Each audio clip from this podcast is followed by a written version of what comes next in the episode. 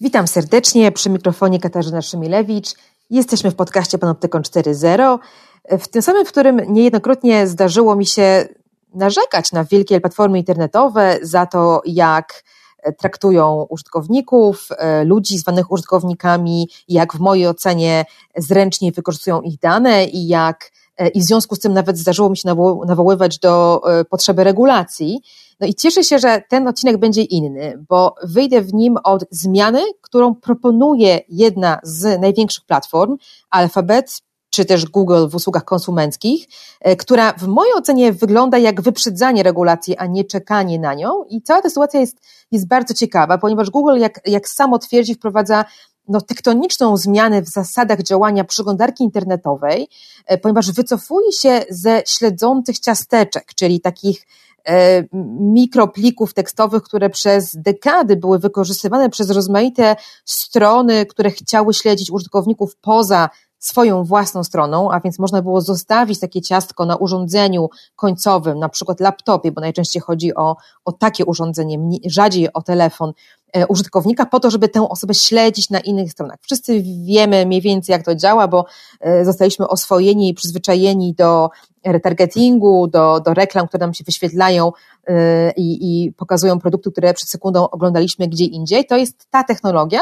No i Google mówi, koniec z tym, będziemy teraz działać inaczej. To przeglądarka będzie obserwować, jakie strony odwiedzamy, będzie nas kwalifikować do grup, ludzi o podobnych zainteresowaniach i nie będzie tych danych nikomu przekazywać, a będzie jedynie umożliwiać targetowanie reklamy po tych grupach, które sama zdefiniuje.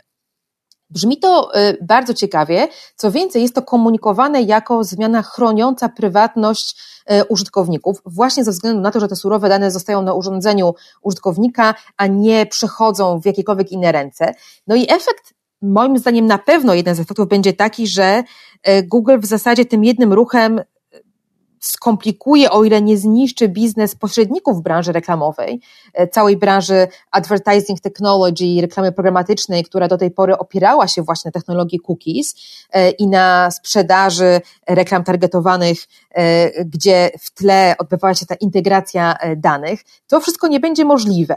Więc ta zmiana naprawdę i na pewno będzie, będzie ciekawa. No sam rynek E, reklamy programatycznej to bagatela 20 miliardów euro w Europie dwa lata temu, a więc spodziewam się, że głosy e, odezwą się po tej stronie mocne, a z kolei pierwsze reakcje ludzi, organizacji chroniących prywatność po tej stronie barykady się pozycjonujących są co ciekawe, mało entuzjastyczne. Konkurencyjne do Chrome przeglądarki, w tym znana z ochrony prywatności e, Mozilla czy Apple, czy bardzo niszowa, ale głośna w przestrzeni publicznej przeglądarka Brave, e, odrzuciły już ten standard jako ich zdaniem zagrażający prywatności użytkowników, narażający ją, a nie chroniący. E, John Ryan, który przez lata pracował w Brave, a teraz jest niezależnym głosem eksperckim w tej, w tej dziedzinie, na swoim blogu pisze e, coś takiego, że niewątpliwie Google tym ruchem może załagodzić kryzys w ochronie prywatności, który sam poniekąd spowodował, związany właśnie z tym, jak działała reklama programatyczna, e, no ale niestety e, nie naprawi innych problemów, takich jak sama możliwość targetowania ludzi i wpływania na ich zachowanie. Stąd pojawiają się bardzo poważne pytania, no, do, do firmy o to, co tak naprawdę tutaj, tutaj gra. Wreszcie taki alarmistyczny głos wydał z siebie, wydała z siebie Electronic Frontier Foundation, organizacja e, w, e, osadzona w kontekście mm, e, Stanów Zjednoczonych Ameryki w San Francisco, która od dekad zajmuje się ochroną prywatności między innymi i w tym przypadku IFF bije na alarm. Mówi Google, please don't do this, tak? Wycofajcie się z tej zmiany. Nazywa tę zmianę w zasadzie sprzecz, y, czymś, co jest w dokładnej sprzeczności do y, technologii chroniącej prywatność. Niezłe zamieszanie się z tego zrobiło. Paradoksalne, zaskakujące, na pierwszy rzut oka tak. Jeżeli się przyjrzymy głębiej, zaczynamy te, te zarzuty rozumieć. I to, co ja proponuję w tej rozmowie, to właśnie spokojnie rozpakować e, i zmianę, którą proponuje Google, i jej sens biznesowy, i jej związki tajemne z ochroną prywatności. Zrobimy to krok po kroku i zrobię to wspólnie z idealnym do tego e, partnerem, Marcinem Olendrem, który jest e, na Europę Środkowo-Wschodnią głową Public Policy i Government Relations, czyli osobą, która odpowiada za relacje publiczne i działania polityczne firmy Google. Witajcie w podcaście Panoptykon 4.0. Mówi do Was Katarzyna Szymielewicz. Jestem prawniczką i prezeską Fundacji Panoptykon, która reaguje na zagrożenia związane z rozwojem nowych technologii i to, co dzieje się na styku tej technologii człowieka. W Panoptykonie 4.0 mam ten komfort, że nie zaglądam do ustaw, nie gadam z politykami, ale mogę zrobić coś ciekawszego, mogę zajrzeć na zaplecze tych technologii, przemyśleć to, skąd się wzięły, co tak naprawdę zmieniają w naszym życiu, jak działają i rozmawiam o tym z ludźmi, którzy wiedzą, wiedzą, bo badają, wiedzą, bo są praktykami e, i tą wiedzą potrafią się dzielić. Technologie i człowiek. Człowiek i technologie. Gdzie na tym styku czekają na nas zagrożenia? Jak korzystać z technologii, by na nich skorzystać? Jak kontrolować, kto gromadzi o nas informacje i do czego ich używa? Z ekspertami i praktykami rozmawia Katarzyna Szymielewicz. Panoptykon 4.0 Podcast to KFM.pl i Fundacji Panoptykon. Witam Cię serdecznie. E, dzień dobry, e, witam e, Kasiu, witam Państwa bardzo dziękuję za zaproszenie i możliwość rozmowy na ten rzeczywiście bardzo ciekawy i zaskakująco kontrowersyjny temat. Tak, też, też, też jestem zaciekawiona tym, jak, jak dynamicznie ta dyskusja się rozwija, bo przecież zmiana, co prawda zmiana, o której rozmawiamy, została zapowiedziana już ponad rok temu, prawda? Więc ci, którzy tak, śledzą tak. uważnie działania firmy Google i, i siedzą e, w branży, jak wspomniany John Ryan czy organizacja IFF, oni wszyscy komentowali już tę zmianę w tamtym roku, ale teraz, e, jak rozumiem, jest ona przesądzona, prawda? To się dzieje. Nic, powiem tak szczerze, zaczynając właśnie od, od tego, że zmiana nie powinna być zaskoczeniem i pytanie, czy w ogóle możemy mówi, mówić o zmianie. Tak, na razie to jest propozycja i to, to, to warto, myślę, że na samym początku wyjaśnić, że to nie jest jeszcze standard, bo to jest API, które jest jeszcze pod, no w tym, dlatego nazywamy to Privacy Sandbox. Bo tak, Czy mógłbyś po, powiedzieć, co to jest API dla tych, którzy mogą... E, interfejs programistyczny, chyba to tłumaczymy na polski, czyli sposób, w którym jeden program rozmawia z drugim, prawda? Bo tutaj przeglądarka będzie umożliwiała komunikację ze stronami mm, i i innymi systemami, które będą odpytywać, prawda, naszą przeglądarkę o, o to, co, co ten wspomniany przez Ciebie system ustalił na temat użytkownika. Ale tak, żeby zacząć właśnie od, od, od, od początku i ustawić dobrze, dobrze tą dyskusję, to jest to zmiana, jest to propozycja, która właśnie wywodzi się z całej takiej, no, przez nas zapoczątkowanej właśnie w 2019 roku, więc już dwa lata prawie temu, e, procesowi, który nazwaliśmy Privacy Sandbox, czyli piaskownica prywatności. E, no i ona dlatego jest piaskownicą, no bo próbujemy różne sposoby, różne technologie, które mogłyby naszym zdaniem zastąpić, no chociażby właśnie te e, w tej chwili już chyba niesławne cookies, aczkolwiek cookies też nie, żeby E, czy ciasteczka nie służą tylko do, do retargetowania, czy do E, w cudzysłowie śledzenia, ale też spełniają wiele pożytecznych funkcji. Czym te pożyteczne, bo to też warto uporządkować, zostają, prawda? Tak zwane first party tak, cookies, tak, czyli first party to wszystko to, co firma, czy Google, czy, czy gazeta internetowa, czy ktokolwiek, kto ma swoją stronę i y, umieszcza na urządzeniu użytkownika ciasteczka po to, żeby y, na przykład zarządzać koszykiem zakupowym albo dopasowywać wygląd strony do tego, jakie urządzenie jest po drugiej stronie, to wszystko zostaje, prawda?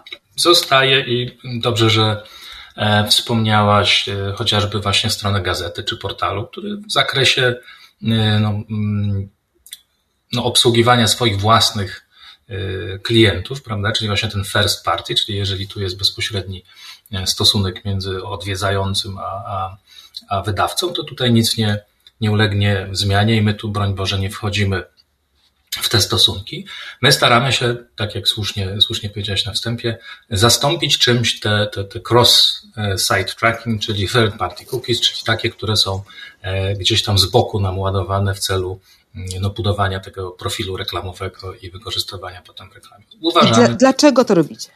No, myślę, że nie powinno być to zaskoczeniem dla kogokolwiek, kto śledzi trendy trendy, zarówno jeżeli chodzi o no, trendy regulacyjne, czyli to, czego oczekują skrótowo mówiąc od nas organy państwa, prawodawcy w różnych miejscach, to oczywiście Europa się wyjątkowo, wyjątkową aktywnością w tym odznacza, ale, ale nie tylko. W Stanach Zjednoczonych też, też ten trend rośnie. Zresztą my nie jesteśmy przeciwni, jak zobaczysz, że my jesteśmy jednym, jedną z, firmą, która, z firm, która popiera mm, no, nową e, regulację prywatności na poziomie federalnym w Stanach, bo do tej pory były tylko regulacje stanowe. E, więc to jest, jest jakiś trend, który, który nabiera mocy, nabiera siły, nabiera rozpędu, ale też oczekiwania użytkowników się zmieniają. No, rzeczywiście słyszymy te głosy ludzi, którzy są za zaniepokojeni na przykład, czy, czy, czy nie do końca rozumieją właśnie sprawę retargetowania dla, dla słuchaczy, też właśnie nie, może nie, nie technicznych do końca. To jest ta sytuacja, kiedy odwiedziliśmy jakieś, jakąś stronę, a potem przez jakiś czas nas po całej, na wszystkich stronach pokazują nam się reklamy jakiegoś produktu, na który, na który kliknęliśmy, czy który oglądaliśmy. Więc te reklamy się do nas e, w ten sposób przyczepiają. Więc my od dawna to, w jaki sposób ten temat y, robi się coraz bardziej kontrowersyjny. No i my stara, staramy się rzeczywiście, no wspomniałaś o tym, że wyjść naprzeciw, naprzeciw tym trendom i no rozwiązać temat w taki sposób, żeby, mm, żeby no, odpowiedzieć na te wątpliwości z jednej strony, prawda, czyli ochronić prywatność, to, co, to czego wydaje nam się oczekują już teraz albo będą oczekiwać w niedalekiej przyszłości użytkownicy, a z drugiej strony jednak nie wywrócić całego mm, systemu reklamowego e, internetowego, bo wspomniałaś, że programatyk, tak, to jest 20 miliardów. To jest, no, myślę, że też rosnąca, rosnąca kwota. Wiele, wiele firm, wiele tysięcy osób w tym ekosystemie pracuje i przede wszystkim o tym, o tym też się często zapomina, że to też utrzymuje, to znaczy reklama utrzymuje strony, na której się pojawia. To jest ważna, ważny aspekt, że jednak jest duża e, część internetu wciąż dostępna no w cudzysłowie za darmo, bo wiadomo, że, że, że ktoś na to musi zapłacić, ale płaci, płacą za to do tej pory reklamodawcy. Tak, do, wydawców, więc... do wydawców nawiążę e, za, za chwilkę w naszej rozmowie, bo sam jestem ciekawa, jak, jak wy oceniacie e, szanse związane z tą zmianą, którą proponujecie właśnie dla wydawców, ale e, po kolei, bo chciałam jeszcze zagaić Cię o to, że Safari i Firefox już jakiś czas temu wycofały się z third party cookies, czyli ciasteczek stron trzecich i zaczęły domyślnie chronić użytkowników przed tego typu śledzeniem. Czy również działania konkurencji mogły przyspieszyć zmiany w Google, czy to działo się w tym samym mniej więcej czasie? Po prostu taka konwergencja naturalna występuje yy, myślenia wśród przeglądarek? Ja myślę, że wszyscy obserwujemy to samo. Tak jak mówiłem, zmienia się, zmieniają się oczekiwania, zmienia się sytuacja rynkowa i, i, i wszyscy staramy się w jakiś sposób do tego na to znaleźć odpowiedź. Wiadomo, że każda firma ma swój, swój model biznesowy, swoje, swoje preferencje w tym zakresie, ale na pewno wszyscy widzą ten trend. Tak jak powiedziałaś, inne przeglądarki też, e, też wprowadzają różnego rodzaju ograniczenia w tym zakresie. My do tej pory byliśmy no, bardziej konserwatywni pod tym względem, no ale jak już zaproponowaliśmy coś, no to to jest tektoniczna zmiana rzeczywiście. No nasz, e, nasz udział rynkowy też oznacza, że musimy postępować tutaj myślę, że trochę ostrożniej niż niektóre inne przeglądarki, które no, mogą eksperymentować i być troszeczkę odważniejsze. No właśnie, ale jest jeszcze jedna różnica. Poza udziałem w rynku, dobrze, że sam o tym wspomniałeś, jest też model biznesowy y, całego imperium Alphabet i konkretnie Google jako usług, y, które stykają się z użytkownikiem, gdzie y, Google finansuje takie przynajmniej jest moje rozumienie sytuacji, większość tych usług z wpływów reklamowych. A więc w przeciwieństwie do firmy Apple, która zarabia na, na sprzęcie czy, czy oprogramowaniu, wy jednak czerpiecie zyski z branży, w którą można byłoby powiedzieć, w jakim sensie ta zmiana uderza, prawda? Więc tu pojawia się napięcie, do, którym, do którego sam nawiązałeś. E, o ile dobrze zrozumiałam, Google nie chce zniszczyć branży programatycznej, nie chce e, rozczarować reklamodawców, bo jednak ten przepływ finansowy jest cały czas dla firmy ważny, w jakim sensie ja mam takie poczucie, że próbujecie zjeść ciastko i mieć ciastko, czyli pozbyć się e, części zarzutów, części problemu, którą powodowały pliki cookie i sposób zarządzania nimi, które można było podsumować jako ciągły wyciek danych, które następowały ze stron internetowych do ogromnej rzeszy szemranych pośredników, czasami szemranych, czasami nie, ale, ale również tych szemranych. To Panoptykon krytykuje od, od, od, od lat i mamy nawet skargi prawne przeciwko e, takim działaniom. No a z drugiej strony chcecie mieć nadal możliwość targetowania reklamy. E, czy mógłbyś doprecyzować, jak w takim razie to targetowanie reklamy w tej nowej wersji miałoby działać? Na czym ono ma polegać? Tak, no, to, to byłoby, wydaje mi się, dobre podsumowanie tego, co, co nam przyświeca przede wszystkim. Właśnie to, to, taka koncepcja jest stojąca za, za, za Privacy Sandbox, czy piaskownicą prywatności w ogóle, a tym rozwiązaniu e, FLOG w szczególności, żeby z jednej strony właśnie zatkać ten wyciek w cudzysłowie danych. On co prawda wiadomo, że zależy od tego, e, która firma w jakim kontekście różne, różne przyjmował postacie, ale no nie, nie ulega wątpliwości, że te dane opuszczały prawda, zasięg kontroli użytkownika i gdzieś w wielu przypadkach e, tak gdzieś się wydostawały. Prawda? To odpowiada na te zastrzeżenia. Nasze rozwiązanie jednocześnie chce te dane za, za, zapieczętować, żeby one nie opuszczały urządzenia użytkownika. Z drugiej strony jednak wciąż utrzymać utrzymać no, cały ten ekosystem, no może nie cały, tak jak mówiłaś, bo niektóre e, firmy, szczególnie te bardziej szemrane może e, e, tutaj stracą pewne, pewne możliwości działania, ale co do zasady, żeby reklamowanie w takiej formie, jakiej mniej więcej istnieje dzisiaj, nie, nie przestało być możliwe, bo uważamy, że jest to jednak no, niezbędne dla utrzymania też charakteru sieci, prawda? Bo tak jak wspomniałaś, Apple'a to jest firma, która no, ma swój zupełnie inny model działania, oparty właśnie na, na płatnych usługach, na zamkniętych usługach, na pewnym takim ekosystemie, który no, jest oczywiście bardzo mm, bardzo dopracowany, bardzo y, to doświadczenie dla użytkownika jest bardzo dobre, no ale jednak jest y, no, kosztowny też w, w korzystaniu. I y, to jest to pewne rozwiązanie. To jest oczywiście mm, atrakcyjne dla wielu osób, ale nie dla wszystkich też dostępne. I to, to jest ważne, żeby, żeby mieć to zawsze gdzieś z tyłu głowy, że, że jednak to, co my w większości szczególnie w tych państwach e, no nieco mniej majętnych jak Polska, czy, czy już nawet no Polska jest, e, szczerze mówiąc, na mapie świata raczej należy do OECD i do państw e, zamożnych, tak? porównując do, do, do, do państw, których mamy miliardy użytkowników, dla których na taki oferta właśnie płatnego internetu, w którym wartościowe treści byłyby na abonament wyłącznie dostępne, no jest abstrakcyjną dość e, perspektywą, no i dla których ten internet, który jest utrzymywany z reklamy, mimo wszystkich swoich wad i, e, no i tych złych stron, jest jedynym internetem, który jest przynajmniej w krótkiej perspektywie czasowej dostępny. Więc... Czyli, czyli, czyli ważne w tej rozmowie dla mnie potwierdzenie Google nie zamierza zmienić modelu biznesowego. Te rzeczy, które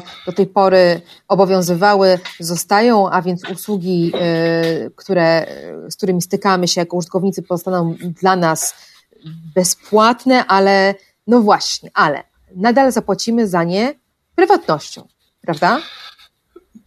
No właśnie, w naszym mniemaniu nie, gdyż te dane, to, wiesz, ja się tak, e, te, te, te, te cytaty z Johnego Ryana czy z IFF, ja to oczywiście wszystko czytałem i się, e, i się, moim zdaniem tu troszeczkę mamy e, do czynienia z pewnym, no dlaczego ta reakcja jest taka negatywna, tak jak na wstępie słusznie stwierdziłem, że wydawałoby się, że powinni być zadowoleni, a nie są.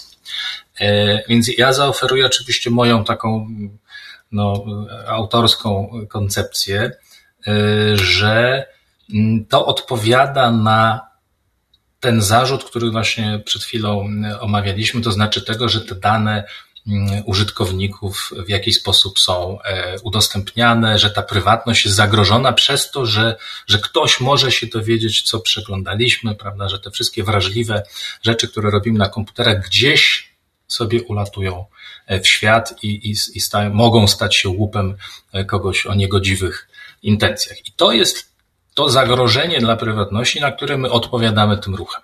Tak, to, I to jest naszym zdaniem odpowiedź niezła. Tam y, oczywiście są wciąż zastrzeżenia, dlatego podkreślałem na początku, że to nie jest jeszcze finalny produkt, to jest dopiero propozycja, którą my zresztą chcemy certyfikować w ramach y, y W3CE, czyli te, tego no, najwyższego ciała standaryzacyjnego y, światowej sieci.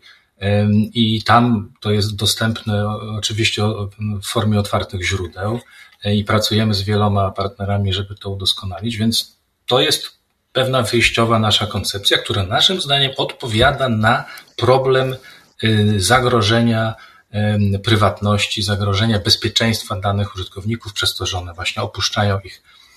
Nie odpowiada i to mam wrażenie, że tu jest w tej chwili problem. Tak. Że ono nie przemodelowuje tego modelu, jak słusznie E, słusznie mówisz, tego modelu e, internetu, w którym w dużej mierze opiera się na reklamie i na reklamie mm, no, targetowanej czy, czy, czy indywidualizowanej, profilowanej, prawda? Nie, rzeczywiście to nie odpowiada, tylko że robi to w sposób, który szanuje prywatność. Tak? To jest podejście, e, no, które godzi rzeczywiście, czy stara się pogodzić ogień z wodą.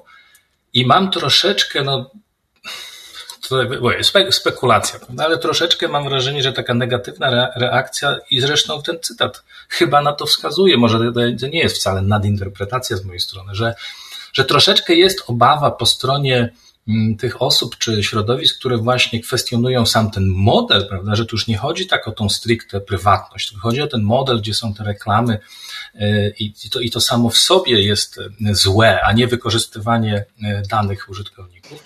No i że się te, te, te środowiska tak jakby przestraszyły, że to, co my zaproponowaliśmy, jest realną alternatywą i że to tak jakby, i że nie osiągnie się tych dalej idących celów, które, które by się chciało osiągnąć, czy te osoby chciałyby osiągnąć, prawda? Że tutaj jest, i zresztą mówię, ten cytat był praktycznie, e, no właśnie o tym mówił, że, że jak Google'owi się uda to zrobić, no to, no to ta dalej idąca reforma, która by w ogóle wysadziła w kosmos ten cały e, system reklamy internetowej, się nie uda, no bo wszyscy już będą zadowoleni, że prywatność jest chroniona, więc po co coś No dobrze. Po, po, po, ja to trochę, trochę, to, mhm. trochę to odczytuję jako w pewnym sensie no, e, komplement dla tej naszej, bo, bo gdyby to było kompletnie bez sensu i nierealistyczne e, i, i, i, i w ogóle no, nie do przyjęcia, prawda, no to myślę, żeby nie wyłapało też takiej, takiej reakcji. Tak, tak, tak ja to interpretuję. E, zgoda, pełna zgoda co do tego, że zmiana polegająca na tym, że dane o nas, o tym, jakie strony przeglądaliśmy, co robiliśmy w sieci, nie będą, e, mam nadzieję, nie będą fruwały po różnych giełdach reklamowych, nie będą nadużywane przez, jak to sobie nazwaliśmy tutaj, mm, kolokwialnie szemrane różne podmioty, to jest zmiana na plus, tego nikt nie neguje. Natomiast y, można y, również pokazać tę zmianę troszeczkę inaczej, y, słowami następującymi. Eliminując ciasteczka wszystkich innych stron trzecich, Google tak naprawdę zapewnia sobie wyłączność na profile użytkowników, które również tworzy w oparciu o nasze wizyty na różnych stronach internetowych i rzeczywiście nie będzie już przekazywał reklamodawcom surowych danych o nas, a więc ten wyciek zostanie zablokowany, ale nadal użyczy im wiedzy o każdym z nas w formie, którą znamy. Znamy ją z, z działania e, serwisu YouTube, znamy ją również z Facebooka. Facebook od lat e, wzdryga się, jego przedstawiciele e, dziwią się na taki zarzut, że Facebook sprzedaje dane, bo tego nie robi, prawda? My tak nigdy w Panoptykonie nie twierdziliśmy, bo my rozumiemy, że model działania Facebooka od początku był inny. Oni mówią, my wiemy, my mamy wiedzę o naszych użytkownikach, jeżeli chcesz, reklamodawco, z tej wiedzy skorzystać, zapłać nam, teraz upraszczam, ale mniej więcej o to chodzi, my pokażemy Twoją reklamę właściwej osobie. Pytanie, czy to nie jest teraz e, taki ruch ze strony Google jako, jako przeglądarki również, tak? A więc to, co już udało się zrobić w serwisie YouTube, teraz będzie obowiązywało w całym imperium, a przynajmniej w przeglądarce, a więc to Google będzie miał taką samą lub być może nawet większą, głębszą wiedzę e, o swoich użytkownikach, bo tego nie zmieni i będzie mówił reklamodawcom, słuchajcie, my wiemy, jeśli wy chcecie pokazać reklamę dopasowaną do naszej wiedzy, zapłaćcie nam, my będziemy tym głównym, jedynym, dominującym, jeszcze bardziej dominującym pośrednikiem pomiędzy wami a użytkownikiem. Czy tak można zaprezentować konsekwencje tej zmiany? Nie, nie zdziwię cię, jak powiem, że, że absolutnie bym, bym w ten sposób tego nie prezentował. Znaczy, oczywiście można w taki sposób, można by było to interpretować w taki sposób, gdyby nie jedna, e, niby mała, ale dość zasadnicza rzecz, że my to e, od początku widzimy nie jako zamknięte autorskie narzędzie tylko i wyłącznie Google'a, tylko właśnie jako otwarte, otwarto źródłowe API i standard sieciowy. Prawda? Więc każda przeglądarka będzie mogła za, za, zaimplementować to API i każda przeglądarka będzie mogła budować takie, takie właśnie flokowe swoje kohorty e, i, i, i, i, i w jakiś sposób integrować się prawda, z, z, no, z, z sieciami różnymi, prawda, bo to też nie jest, nie jest jedna sieć reklamowa Google'a, tego jest ich wiele. Więc to, to, to mówię, było, byłby zarzut moim zdaniem rzeczywiście dość y, i byłoby to podobne do Facebooka w tym działaniu, gdyby nie to, że każdy może z tego skorzystać. Zresztą na początku padło, prawda, że Mozilla czy Brave no, powiedziały, że nie chcą z tego korzystać. Oczywiście otwarte pytanie zostanie i to jest to jest y, no, przy każdej takiej zmianie czy próbie prawda, wprowadzenia standardu rynkowego jest takim element, prawda, który standard y, zostanie przyjęty przez społeczność, który zostanie wdrożony, który stanie się tym właśnie no, benchmarkiem rynkowym. No i nigdy na początku nie wiadomo, prawda, tego typu prób było no, w historii te, te techniki w ostatnich latach nawet bardzo wiele. No, niektóre standardy się przyjmują, niektóre nie, dlatego ja bym też nie przesądzał, na pewno bym nie ujmował tego, że, że flok już jest no, czymś, co istnieje i coś jest y, no, wyryte w kamieniu. Jest to pewien, pewna propozycja. W tej chwili są testy. Zachęcamy właśnie do komentowania, do y, składania y, swoich, prawda, propozycji przez inne, inne podmioty w branży po to, po to właśnie, bo mamy nadzieję, że stanie się to e, sieciowym standardem, ale otwartym standardem, Rozumiem. nie tylko e, Google. Proszę, doprecyzujmy jeszcze wspólnie, co FLOK oznacza, bo o tym nie powiedzieliśmy jak to się rozpakowuje? Po angielsku to, to jest e, Federated Learning of Cohorts, czyli po polsku hmm, chyba to, to jest chyba nie, sfederowane. Nie nam da tłumaczenie dosłowne. Prawda? O co chodzi? Nie tak, o co chodzi? Żargonem, no, jeżeli się uda. Tak, właśnie, nie, nie technicznym żargonem, zresztą ja jestem skromnym prawnikiem, więc dla mnie to też jest trochę, trochę taki czar, czarna magia, dokładnie w jaki sposób to to inżynierowie mm, tworzą, ale tak dla uproszczenia, e, że po stronie przeglądarki, czyli na urządzeniu, o czym mówiliśmy, prawda, na urządzeniu użytkownika, tak, że tu nie ma komunikacji tych danych surowych z nikim.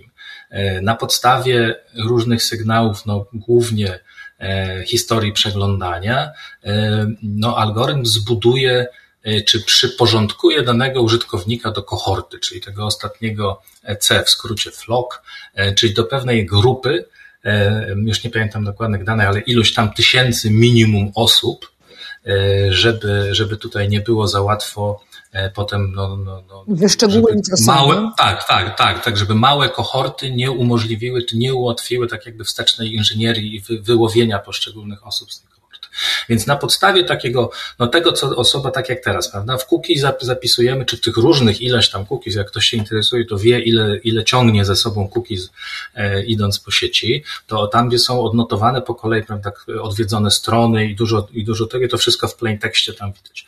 E, tutaj to wszystko zostanie przez algorytm zmielone, obliczone, jakaś funkcja haszująca i, i wypluje po prostu jeden wynik taki teoretycznie przynajmniej nic nieznaczący y, identyfikator tej kohorty. Dobrze, i teraz że, pan, że pan y, Marcin należy do kohorty numer 1789 i dopiero po stronie reklamodawców to będzie dekodowane jako o, że pan Marcin jest mężczyzną, Polakiem, y, no, z jakiegoś dużego miasta, prawda, i interesuje się samochodem. No właśnie, właśnie o to chciałam dopytać. Czyli kohorta, e, po pierwsze, czy ona będzie jedna dla każdego, e, a więc czy ja będę w jednej kohorcie, czy w wielu? I tak jak ja jestem, y, wydaje mi się, że w jednej, ale Rozumiem. tutaj. Możemy to zaparkować jako, mówię, jako nie wiadomo. Tak, jest, jako, mhm. tak, skromny prawnik. Y, wydaje mi się, że każdy będzie miał jedną, ale tutaj Też tak zresztą może się zmienić. Zresztą może to się zmienić w trakcie opracowania, ale ja mam wrażenie, że jedną. W takim razie, żeby to miało sens, ta kohorta powinna mnie autentycznie określać, a więc nie e, wycinać z kontekstu jakąś jedną moją cechę, czy jeden e, wzór w moim zachowaniu. Na przykład szukała, trzymajmy się tego przykładu, szukała samochodu, bo akurat jej się popsuł i chce nowy, tylko coś więcej, prawda, że jeżeli już ten samochód znajdę, tak. to owa kohorta opisuje również mnie jako kobietę w pewnym wieku, z pewnymi zainteresowaniami, które wykraczają poza ów samochód. A więc w tej kohorcie może znaleźć się całkiem, może być zakodowany, tak jak powiedziałeś, całkiem sporo wiedzy na mój temat. Czy my wiemy, jak głęboko ta wiedza może sięgać i jaką ona może mieć naturę? Na przykład, czy mogą tam trafić informacje całkiem wrażliwe o mnie, takie, że na coś choruję, albo mam jakąś słabość, czy może mój profil psychometryczny, o którym przecież e, kruszyliśmy kopię z Facebookiem na kanwie afery Cambridge Analytica. Jak to może wyglądać od strony wrażliwości owej wiedzy? Tak, no tu, tu zdecydowanie mamy yy, co do zasady, wszystkie dane wrażliwe są wykluczone z prawda, że nie pozwalamy, tak zresztą jak dzisiaj jest, jak zobaczysz zasady, to, to mamy dość konserwatywne pod kątem tego, jak można yy, targetować. No i tutaj myślę, że będzie jeszcze bardziej tak jak zastrzegając, że to wszystko jest wciąż jeszcze nie finalna specyfikacja, ale na pewno takie rzeczy jak orientacja seksualna czy choroby będą wykluczone z tego. Więc tutaj nie ma e, i pod tym względem absolutnie nie ma wątpliwości, że, że to będzie sfokusowane właśnie bardziej na taki profil, no w cudzysłowie mówię tutaj konsumencki, czyli właśnie gdzieś tam za, za, za pod kątem wieku, lokalizacji geograficznej, potencjalnie jakieś tam grupy dochodowe, no i zainteresowań potencjalnych, szczególnie zakupowych, a, a nie, broń Boże, właśnie w kierunku no, no, preferencji, prawda, politycznych, czy seksualnych, czy, czy, czy, czy, czy chorych. No tu się pojawia Pod tym względem tu jesteśmy jednoznaczni. E, rozumiem intencje, szanuję intencje i w żadnym razie ich nie podważam, bo nie mam, nie mam takiej, to nie o to chodzi w argumencie, który, które teraz sformułuję. E, chodzi o zawiłość technologiczną, na której, jak sam powiedziałeś, no i ty się nie znasz i ja się nie znam, więc nie będę tego e, formułować jako zarzutu, tylko bardziej jako pytanie, że skoro skoro nowe rozwiązanie ma polegać na uczeniu maszynowym, które będzie odbywało się na urządzeniu użytkownika, a więc poza kontrolą jakiegoś centralnego serwera i o ile ja to rozumiem i IFF rozumie to dobrze w swojej krytyce, będzie to uczenie maszynowe nienadzorowane, czyli nie będzie tam siedział pracownik Google'a, który będzie karał lub nagradzał algorytm za to, jak, czego się uczy, bardzo trudno, przynajmniej zdaniem IFF, a tam siedzą ludzie techniczni, zapobiec sytuacji, w której ów algorytm nauczy się na mój temat czegoś całkiem wrażliwego, na przykład zaobserwuje, że ja i tysiąc innych osób z mojej kohorty mamy podobieństwo polegające na tym, że namiętnie czytamy strony na temat nie wiem, szczepionek, antyszczepionek, chorób, wyzdrowień, czegokolwiek. I nie nazwie oczywiście nawet naszej kohorty e, kohortą ludzi hipochondryków albo chorych na chorobę X, ale de facto to nas w tej kohorcie będzie łączyć i reklamodawca na przykład po swojej stronie zobaczy, zobaczy tę korelację, zobaczy, że oto dostał ludzi, którzy po jego stronie na portalu, mm, na portalu internetowym reagują mocniej na jakieś treści i że tak naprawdę ta wiedza, ta wrażliwa wiedza o ludziach wycieknie nie tyle z samego systemu, bo on będzie, tak jak powiedziałeś, zakodowany dość szczelnie, ale wycieknie w wyniku targetowania. Że ten, kto te, te, te kohorty dostanie do, do, do wykorzystywania i targetowania, tak naprawdę zobaczy, kim ja jestem i w tym, co zobaczy, mogą być moje cechy wrażliwe. Czy, my, czy wy nad tym się już zastanawiacie, czy to jest nowa krytyka, na którą jeszcze nie macie odpowiedzi? Czyli przede wszystkim no, na pewno zdajemy sobie sprawę z różnych niebezpieczeństw, które istnieją. W ogóle to jest y, może temat na, na kolejną nową dyskusję, właśnie jak unikać, e, jak unikać błędów e, w działalności algorytmów uczenia maszynowego, prawda? Błędów czy, czy, czy nawet nie błędów, wypaczeń, jak błędów i wypaczeń się kiedyś mówiło. Ale to, co podałam jako przykład, nie jest błędem, prawda? To jest bardzo dobre działanie algorytmu, które, Wypaczeniem, które tak. autentycznie ja myślę, tak. wykrył coś, czego być może nie było to waszym celem, żeby on to wykrył, ale on to wykrył. Tak, tak. Mhm. Tak, no dlatego, dlatego rzeczywiście wypaczenie y, to znaczy działanie w sposób, który niezamierzony. prawda? że my nie chcemy, żeby ten algorytm w taki sposób te, te kohorty stworzył, ale być może, być może tak się stanie. No na pewno na to patrzymy, na pewno patrzymy i na pewno będą różnego rodzaju zabezpieczenia. Po pierwsze, już w fazie teraz tworzenia E, zarówno samej specyfikacji e, Floka, jak i, jak i poszczególnych tych algorytmów. To jest, tak jak mówię, otwarto źródłowe, co ja zawsze uważałem i chyba wiele osób się zgadza, że jest bardzo dobrym mm, no, sposobem na zapewnienie mm, przejrzystości tego tworzonego oprogramowania, bo mogąc zweryfikować kod, prawda, wiadomo, że kodu Kod, weryfikacja kodu to w przypadku uczenia maszynowego tylko, tylko ileś tam nam daje wglądu w to, jak to potem działa, ale jednak, prawda, to już jest, jest trochę lepiej. No i potem oczywiście e, jest konieczny ciągły nadzór nad samym działaniem systemu, bo e, też system musi umożliwić temu, tak jak rzeczywiście, jeżeli stworzą się takie, no powiedzmy, złe kohorty, prawda, no to jeszcze system po stronie, no tej już w cudzysłowie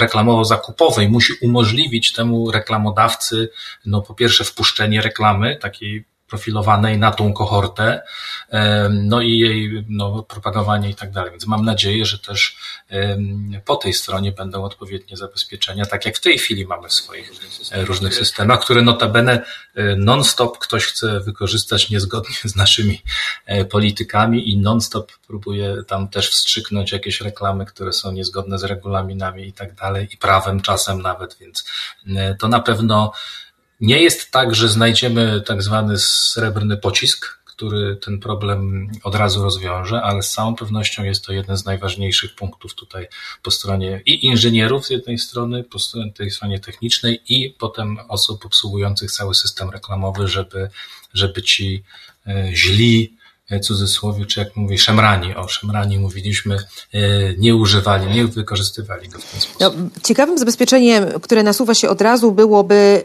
skonfrontowanie samego użytkownika, człowieka, ja wolę to określenie, które należy do kohorty, z cechami, jakie zostały na jego temat wyinterpretowane przez algorytm Google działający na jego, jej urządzeniu, po to, aby ta osoba mogła powiedzieć, halo, nie zgadzam się, nie chcę do tej grupy przynależeć, chcę do jakiejś innej albo w ogóle do żadnej.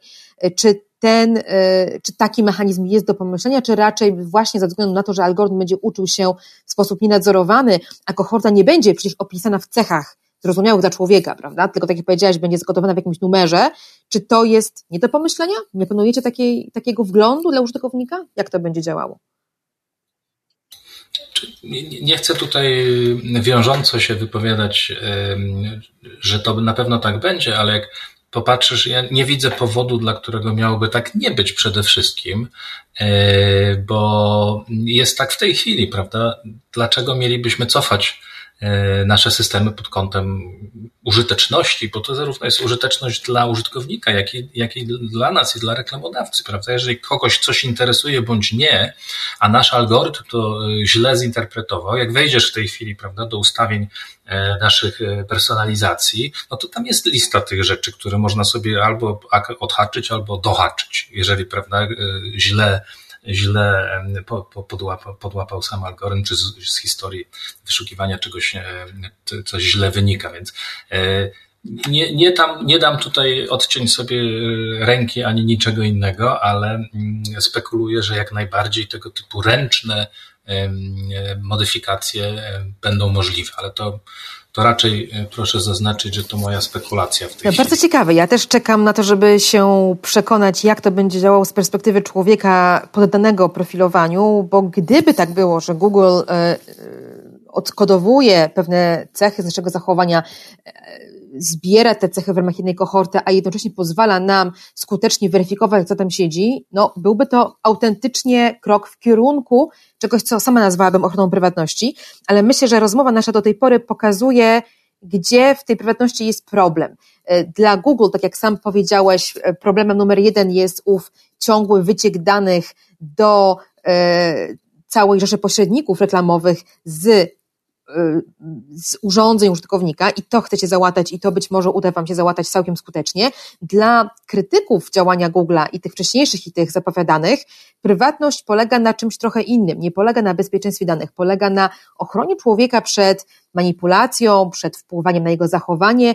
Chodzi bardziej o ograniczenie czegoś, co my prawnicy nazywamy autonomią informacyjną, prawda? A więc mniejsza o to, kto ma moje dane, jakie dane są zbierane, większa o to, jak one są wykorzystywane. A więc tak długo jak ktoś, Google, mm, e, Mozilla, Brave, jakakolwiek inna firma może skutecznie wykorzystać wiedzę na mój temat po to, aby pokazać mi przekaz komercyjny albo nawet niekomercyjny, a więc newsy czy reklamy stargetowane pod moje cechy, tak długo ja mam problem z prywatnością. Myślę, że tutaj jest istota mm, owego paradoksu, czy owego niezrozumienia w, w dialogu pomiędzy krytykami propozycji Google i samym Googlem, prawda? Więc byłoby na pewno łatwiej domknąć ten dialog, gdybyśmy mówili to samo, używając słowa prywatność. Mnie szczerze mówiąc zaskoczyło, że Google go używa, bo to takie strasznie stare słowo, prawda, które trochę już nie pasuje do opisu tego, co dzieje się w internecie.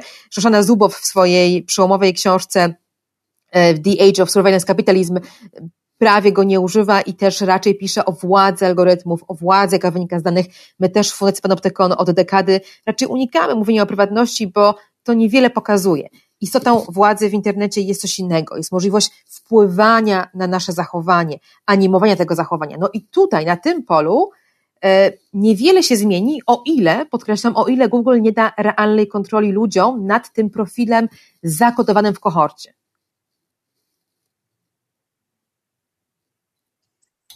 Ja sądzę, że ma, znaczy ma oczywiście pełna racja, że, że trzeba, że warunkiem porozumienia przede wszystkim jest uzgodnienie semantyczne, czy, czy używamy słów w tym samym znaczeniu.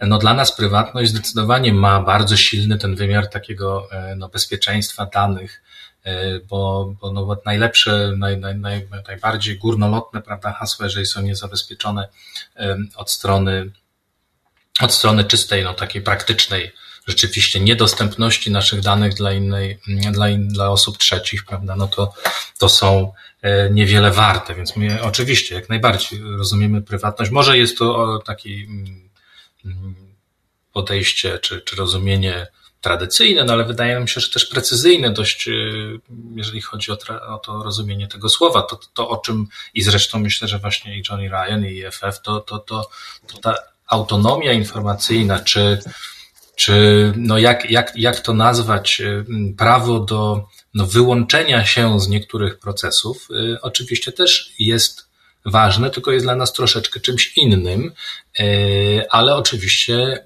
ono istnieje, tak jak już wspominałem, w tej chwili, prawda? Można wyłączyć personalizację. Jeżeli jesteś zalogowanym, oczywiście no musisz być zalogowanym, żeby to działało prawidłowo wszystko.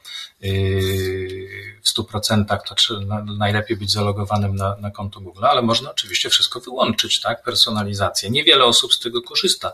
Są różne e, narzędzia takie mm, przejrzystości prawda? że jak e, jest serwowana reklama Google'a, no to jest tam ten przycisk Why this ad, dlaczego ta reklama e, i tam można zobaczyć, dlaczego ona została zaserwowana, w jaki sposób e, my tutaj stwierdziliśmy, że to może być, może być przydatne. No a jeżeli chodzi właśnie o te wszystkie kwestie takie, no już powiedzmy głębsze na temat manipulacji czy psychomanipulacji, to no powiem tak, ja, ja tego jako przedstawiciel firmy, która no, serwuje reklamy opon e, i, i samochodów głównie i ubezpieczeń, no to, to, to, to może nie do końca e, to jest tak nasza branża. Wiadomo, że tutaj są e, takie mm, wyjątkowo sensytywne obszary, prawda, na przykład reklama polityczna. No dlatego tutaj no, chociażby zatrzymaliśmy tą reklamę przy wyborach prezydenckich ostatnio w, w Stanach i, i tu rzeczywiście jest dużo do wykonania, jeżeli chodzi o, o, o no jakieś takie długofalowe działanie, ale mam wrażenie, że tutaj już jest wiele wykonane. Już, e, tak jak mówiłem, jest wiele kategorii profilowania, których my po prostu nie uznajemy już w tej chwili. No więc ja, ja myślę, że, że pod tym kątem na pewno nie będzie gorzej, a jest wiele y, dodatkowych pozytywów i myślę, że z czasem też te, te kategorie, o których mówiliśmy, y, tych sposoby targetowania czy, czy, czy, czy profilowania ludzi, no będą coraz bardziej ograniczane w taki sposób, żeby właśnie tą autonomię y, w tych no, newralgicznych obszarach, prawda, tych związanych z wyborami politycznymi czy osobistymi, jak najbardziej szanować. I to, i to mówię z całą z całym przekonaniem, że to, to od, od tego kierunku nie ma raczej odwrotu. Pytanie, czy, czy, czy tempo tych zmian, czy, czy ich zakres będzie wszystkim odpowiadało? No na pewno nie, e, tak jak widzimy po tych różnych komentarzach, ale, mm, ale my gdzieś tam, i to zresztą chyba wybrzmiewa, że gdzieś jesteśmy, zresztą jesteśmy właśnie wielkim pośrednikiem internetowym i, i tak my tą swoją rolę też widzimy, takiego mediatora pomiędzy e, użytkownikiem a właśnie reklamodawcą. Prawda? Przez nasz system przechodzi reklama. Wiadomo, że reklamodawca chciałby, żeby ona była najbardziej skuteczna, no ale użytkownik też ma swoje oczekiwania, które czasem są sprzeczne z tym, co chciałby reklamodawca, a my staramy się te, to zmoderować. Tak, to jest ciekawe. To... Żeby, żeby utrzymać tutaj gdzieś taki możliwie najlepszy, najbardziej pareto optymalny balans e, tego systemu, co nie jest łatwe, prawda? co nie jest łatwe, no i naraża nas też na ostrzał ciągły e, tak naprawdę z obu stron, bo mówiliśmy o zastrzeżeniach e, głównie no, tej strony powiedzmy wolnościowej w cudzysłowie, czy, czy, czy, czy organizacji ochrony praw obywatelskich, ale bardzo silna krytyka spotkała nas ze strony właśnie reklamodawców czy wydawców, którzy e, czują, że to zagraża właśnie modelu biznesowemu, ich modelowi biznesowemu. Więc tutaj e, trzeba zawsze mieć świadomość, że, że są dwie strony, które mają często sprzeczne sprzeczne wymagania. Tak, na tym polega istota władzy Google'a w tej sytuacji, prawda? Jesteście pomiędzy, jesteście tym arbitrem, mediatorem, jesteście też w stanie zobaczyć, yy, kim jest użytkownik i zdecydować, jaką część tej wiedzy, jaką sami posiadacie, przekazujecie reklamodawcom. Pozwól, że jeszcze dopytam o ten aspekt, co będzie widział w tym modelu um, Google. E, powiedziałeś, że możemy wyłączyć personalizację, możemy wyłączyć profilowanie reklam. Czy możemy lub będziemy mogli w tym modelu wyłączyć samo śledzenie naszych zachowań przez przeglądarkę, żeby ograniczyć wiedzę, którą ma o nas sama firma Google? Wszystko to jest, znaczy ja nie chciałbym spekulować. Floka w tej chwili, jak ktoś trafił do tego, do tej, do tej grupy testującej, można z pewnością wyłączyć, bo to wiem, jest, można sobie zrobić opt-outa e, i, i, i nie chciałbym spekulować. Moim zdaniem będzie to jak najbardziej bo możliwe. Tak, na tak, tym zasadzałaby się tak, prywatność w tym najbardziej oldschoolowym jej wymiarze, czyli śledzenie, a więc to, że ktoś ma lub nie ma wiedzy e, o drugiej osobie, a więc zanim nawet przejdziemy do jej wykorzystania, co mi się wydaje istotą władzy firm internetowych, to ten aspekt pierwszy gromadzenia, jeżeli chcecie prezentować ową zmianę jako e, coś, co rozwiązuje problem E, prywatności, to myślę, że ten aspekt śledzenia jednak jest kluczowy. I o ile Google go nie ograniczy po swojej stronie, będzie to wyglądało, tak jak dziś e, w komentarzach wybrzmiewa owa krytyka, że zamiast śledzenia użytkownika przez dziesiątki czy setki brokerów danych, będziemy mieli śledzenie równie głębokie przez jedną firmę Google, która dzięki temu zyska e, pozycję dominującą. Więc to, e, to bardziej adwocem wątpliwości, które w tej rozmowie przedstawiamy, niż nie rozsądzam, że tak będzie, ale gdyby Google chciało wygrać argument prywatnościowy, myślę, że musiałoby rozwiązać problem śledzenia w pierwszym rzędzie. Ale zostawmy go, bo myślę, że dość wyjaśniliśmy tutaj różne poglądy, spojrzenia na prywatność i, i na jej różne aspekty, które są lub nie są przez tę zmianę adresowane. A porozmawiamy jeszcze mm, zbliżając się też do końca naszej rozmowy, e, o bardzo ważnym wątku dominacji na rynku. Powiedziałeś, że owo rozwiązanie Flock to jest e, open source, którego każdy gracz taki jak Google, przeglądarka, mógłby skorzystać. No właśnie, ale czy każdy? Czy nie jest tak, że warunkiem sensownego z niego korzystania jest jednak posiadanie tego imperium za plecami, w którym ma się miliardy użytkowników, których można obserwować? I jak ktoś tego nie ma, a większość wydawców tego oczywiście nie ma, będzie skazany ten ktoś na usługi Google. Czy nie widzicie tutaj takiej implikacji, a więc wzmocnienia waszej pozycji jako owego mediatora, owego arbitra pomiędzy światem reklamy i światem użytkowników? Czy my się obawiamy takiej Lub sytuacji? na nią liczycie. lub na nią liczymy. No właśnie, trochę nie wiedziałem, co powiedzieć. E, ja myślę, czy, czy raczej inaczej, można to od strony nie naszej, może tylko od strony, od strony rynkowej, czy takie nie, takie, taka możliwość istnieje. No, moim zdaniem yy, w tej chwili, żeby, żeby, żeby też było jasność, bo to troszeczkę jest właśnie przedstawiane jakoby no, Google był jedynym dostawcą, czy, czy, czy, czy nawet monopolistą po stronie, po stronie reklamowej. Prawda jest, że rzeczywiście mamy duży udział duży udział w, w tym Duży, w tym czyli rynku, chyba trzy czwarte całego jak... rynku, prawda? Wspólnie z Facebookiem? Nie, znaczy, znaczy a, a właśnie, bo chciałem do tego, do tego dochodziłem wspólnie z Facebookiem, e, który nie istniał jeszcze 10 lat temu. Tak, więc w przeciągu 10 lat wyrósł nam no, konkurent, który już zaczyna e, do, dorównywać nam, prawda, a już w zasadzie jak przed chwilą zrobiłaś, wymienia się nas e, jednym tchem, jako w zasadzie e, niektórzy tak. twierdzą duopol. Takie czemu my, my, my zaprzeczamy. zaprzeczamy. Więc tu jak najbardziej widać, i, i, ale na przykład nie wszyscy już wiedzą, że Amazon też bardzo silnie rośnie, jeżeli chodzi o niektóre rodzaje reklamy, prawda? Bo reklama też ma różne różne, różne oblicza, prawda? My jesteśmy zdecydowanie, dlatego, bo mamy wyszukiwarkę, jesteśmy dominujący w, w reklamie e, wyszukiwarkowej e, ale to jest tylko jeden z rodzajów reklamy, więc jak ktoś planuje swoją kampanię reklamową, no to bierze pod uwagę różne rodzaje, tak zwany media mix, prawda? I to nie tylko internetową, ale telewizyjną, która na razie jeszcze się trzyma e, bardzo mocno.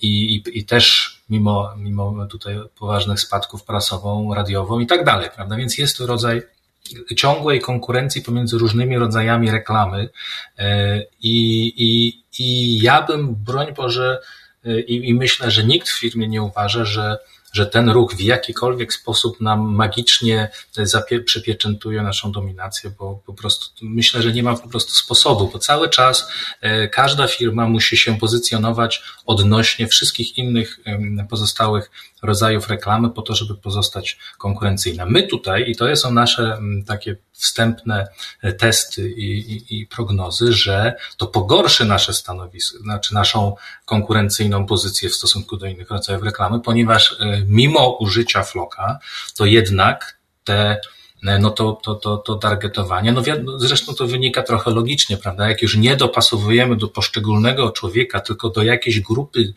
iluś tysięcy, w której on się lepiej lub gorzej mieści, no to ta skuteczność spadnie prawda? I to, e, to trzeba podkreślić, że te reklamy nie będą tak skuteczne, jak były do tej pory.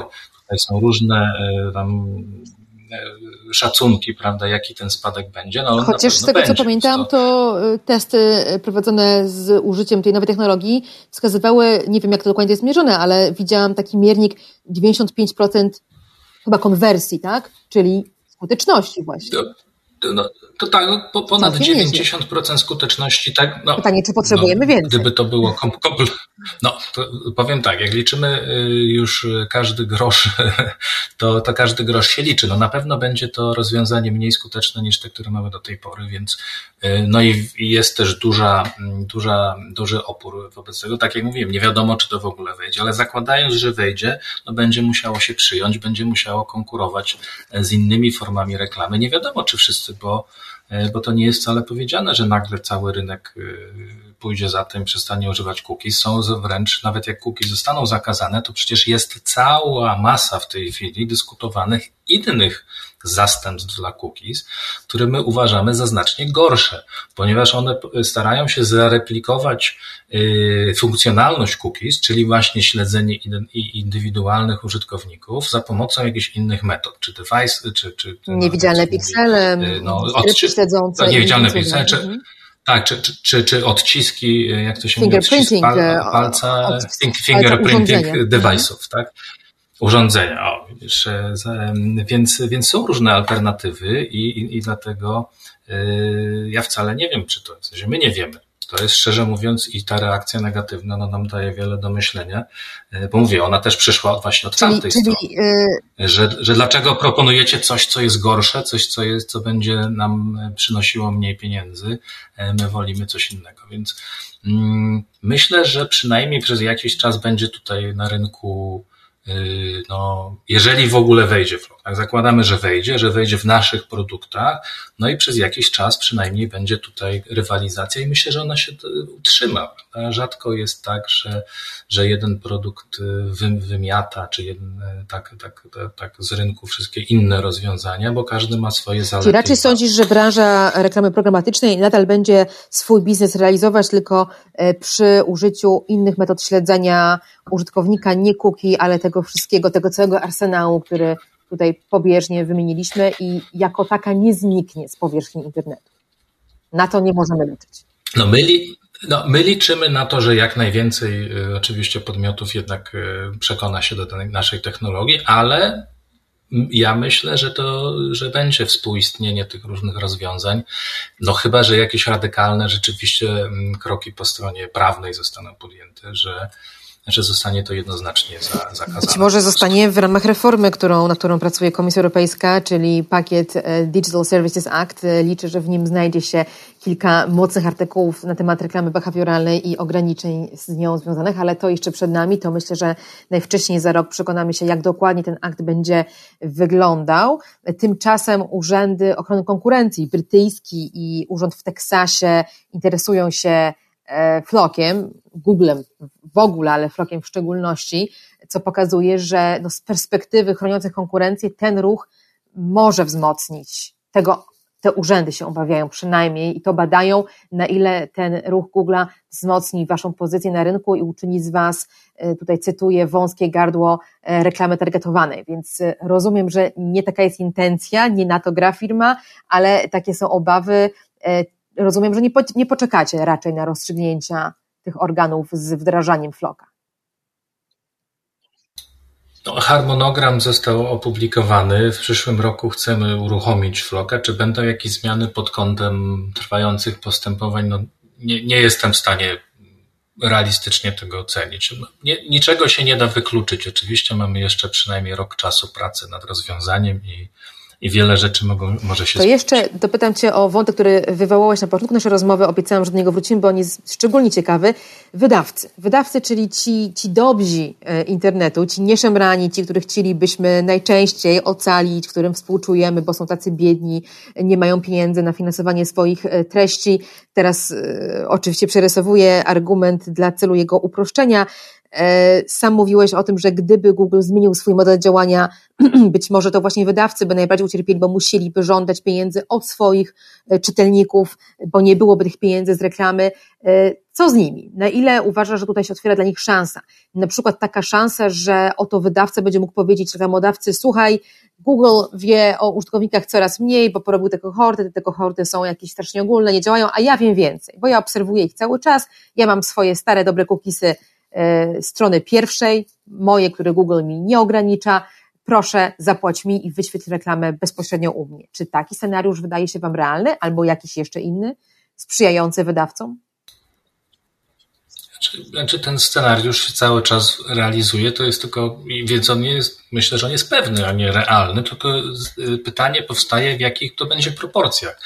Y, bo o ile mi wiadomo, poza jakimiś bardzo małymi wydawcami i to i to warto też podkreślić, że duzi wydawcy są w zupełnie innej sytuacji niż, niż, niż mali. Duzi wydawcy mają zazwyczaj też swoje własne kanały sprzedaży bezpośredniej reklamy i oni na przykład używają naszych systemów tylko do uzupełniania tych miejsc, które zostaną im e, niesprzedane, prawda? Zupełnie inną sytuację mają, mają, e, czyli dla nich właśnie to, o czym mówisz, czyli to, że mają dostęp do tych i możliwość używania tych first party cookies w dalszym ciągu i oni będą dalej to robić, prawda? I to, to na pewno, na pewno nie zniknie, będzie współistniało z tą reklamą taką no powiedzmy w cudzysłowie masowo programatyczną, jaką my oferujemy. Trochę inaczej jest w sytuacji tych wydawców niewielkich, którzy nie mają ani własnych technologii oddzielnych, ani możliwości akwizycji, prawda, reklam, czy biur reklamy e, i tak dalej. No i oni w zasadzie, i to mówimy o wydawcach profesjonalnych, a w ogóle już nie chcę iść jeszcze niżej, po prostu w jakieś tam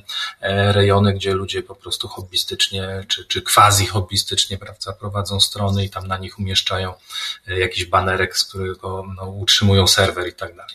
Prawda? Więc to y, ja jestem święcie przekonany, że cały czas będziemy mieli do czynienia z takim y, wielo, wielowątkowym czy wielonurtowym rynkiem, w którym różne rozwiązania ze sobą konkurują, co czasami mówię, jest niewidoczne z zewnątrz, no bo reklama to reklama, prawda?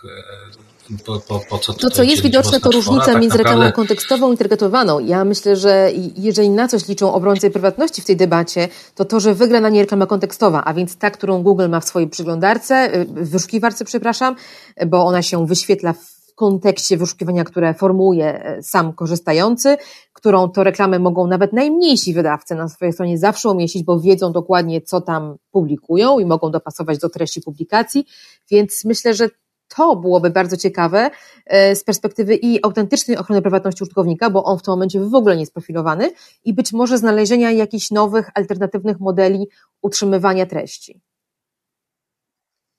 Znaczy, ja się zgadzam w pełni. Reklama kontekstowa na pewno, na pewno ma też przed sobą świetlaną przyszłość. Ja myślę, że ona ma troszeczkę mm, pewne ograniczenia, na przykład takie, że prawda, są, są takie konteksty, które są mało monetyzowalne w cudzysłowie.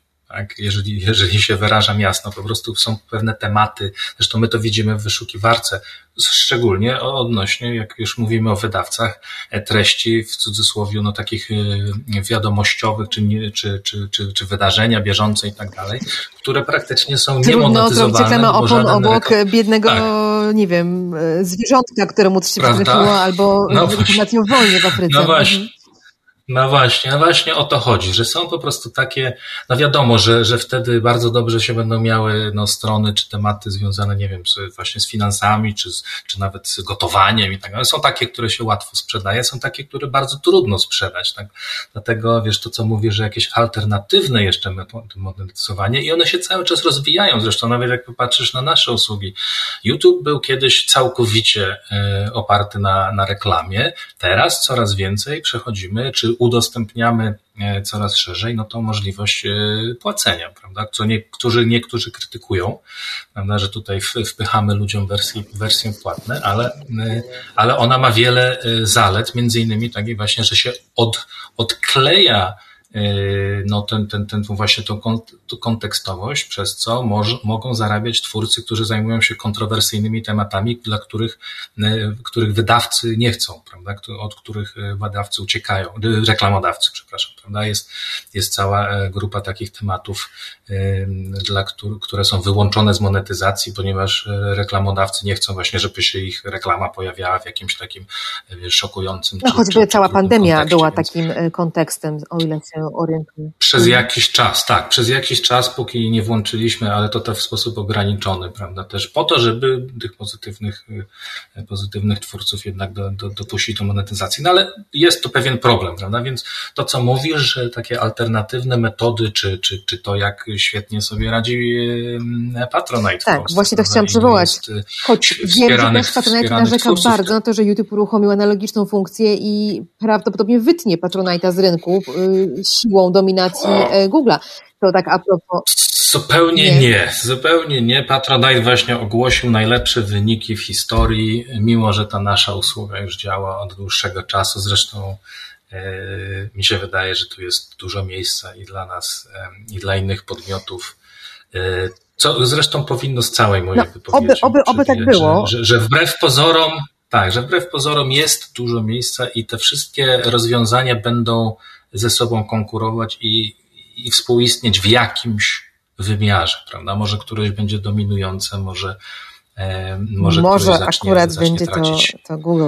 No dobrze, ja, ja się cieszę osobiście, że wchodzimy jednak mimo wszystko w temat monetyzacji. Uważam, że nie ma, nie ma cudów w świecie cały czas jednak ustawionym pod logikę kapitalizmu i jeżeli my sami zapłacimy za coś lub nie będziemy mieli szansy zapłacić, to za naszymi plecami te transfery będą nadal Prze, będą się działy, będą mniej przejrzyste i bardziej nam zagrażające. Na przykład, tak jak zagrażające okazały się transfery na naszych danych osobowych, więc powrót do logiki takiej wprost monetyzacji, gdzie to ja płacę, wybieram, czy i ile płacę, mi się wydaje jednak całkiem y, pozytywnym przebłyskiem na tym firmamencie różnych modeli, więc cieszę się, że sam wspomniałeś o tym, że w YouTube y, skutecznie ten model mm, testujecie. E, Marcinie, bardzo dziękuję Ci za tę rozmowę. Myślę, że bardzo uczciwie przyszliśmy się po całej kontrowersji, wyjaśniliśmy, na czym polega zmiana, e, co może w niej się udać, co jest pod znakiem zapytania, co to zmieni, jeśli chodzi o i prywatność ludzi, e, i konkurencję na rynku, i, i, i nawet pozycję wydawców, więc dziękuję Ci bardzo za to, że mi to umożliwiłeś. To ja bardzo dziękuję za zaproszenie, za możliwość rozmowy na temat bardzo ważny, myślę, że przyszłościowo. Tylko chciałbym podkreślić, że to jeszcze ta zmiana nie nastąpiła, więc dobrze, że o tym rozmawiamy teraz i, i, i, i tak publicznie, no bo to daje właśnie szansę e, na zgłoszenie wszystkich tych wątpliwości i wypracowanie takiego rozwiązania, które, które będzie optymalne. Więc bardzo jeszcze raz dziękuję za, to ja jeszcze zachęcę w takim razie tych, którzy temat rozumieją i mają swoje wątpliwości do ich zgłaszania. Rozumiem, że Google teraz słucha i również czyta te wszystkie krytyczne blogi, które przywołałam, a więc dialog jest w toku. Ja też na pewno nie omieszkam, dam Wam znać, kiedy ta zmiana będzie definitywna i będziemy już wiedzieli, jaki kształt tej dyskusji się wyłonił. Tymczasem żegnam się z Wami, Katarzyna Szymilewicz. Kończymy ten odcinek podcastu Panoptykon 4.0. Do usłyszenia. Technologie i człowiek. Człowiek i technologie gdzie na tym styku czekają na nas zagrożenia?